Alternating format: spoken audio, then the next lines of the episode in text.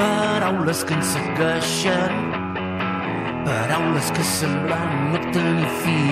El procés en 40 paraules. Paraules que m'afugen, paraules que corren ansioses. Operació Catalunya. Així és com s'ha anomenat genèricament la suposada guerra bruta del Ministeri de l'Interior contra l'independentisme. En concret es refereix a una operació secreta de la Policia Nacional orquestrada políticament des de la cúpula del Ministeri de l'Interior per intentar desactivar el procés. Ha estat munició recurrent de l'independentisme, però el nom no se l'han inventat ells. És argot policial.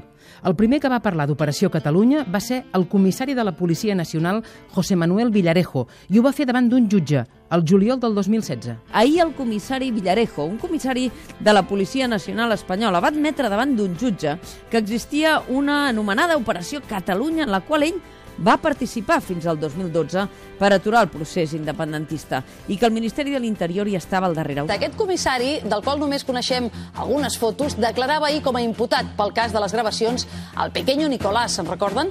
I sense que vingués al cas i ningú li preguntés, va explicar que fins al 2012 va treballar en funcions secretes portades a terme pel cos policial per lluitar des de l'Estat contra el projecte polític independentista, un extrem que el ministre de l'Interior sempre ha negat.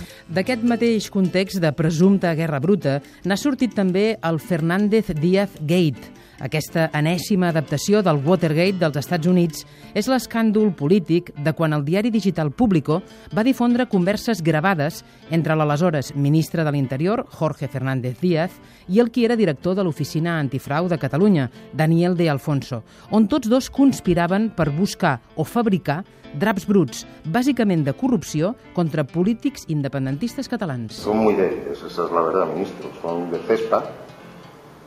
Joder, no, no acabamos de... Tenemos cuatro adjudicaciones, pero al hermano de Uriol Junqueras, si además consiguiéramos tener algo que se sacara en el momento, como decimos los juristas, procesal oportuno, de Esquerra, que hiciera también al presidente de la Generalitat, decir, uy, me convienen tanto como decían, porque a mí ahora juntarme con esto no es bueno.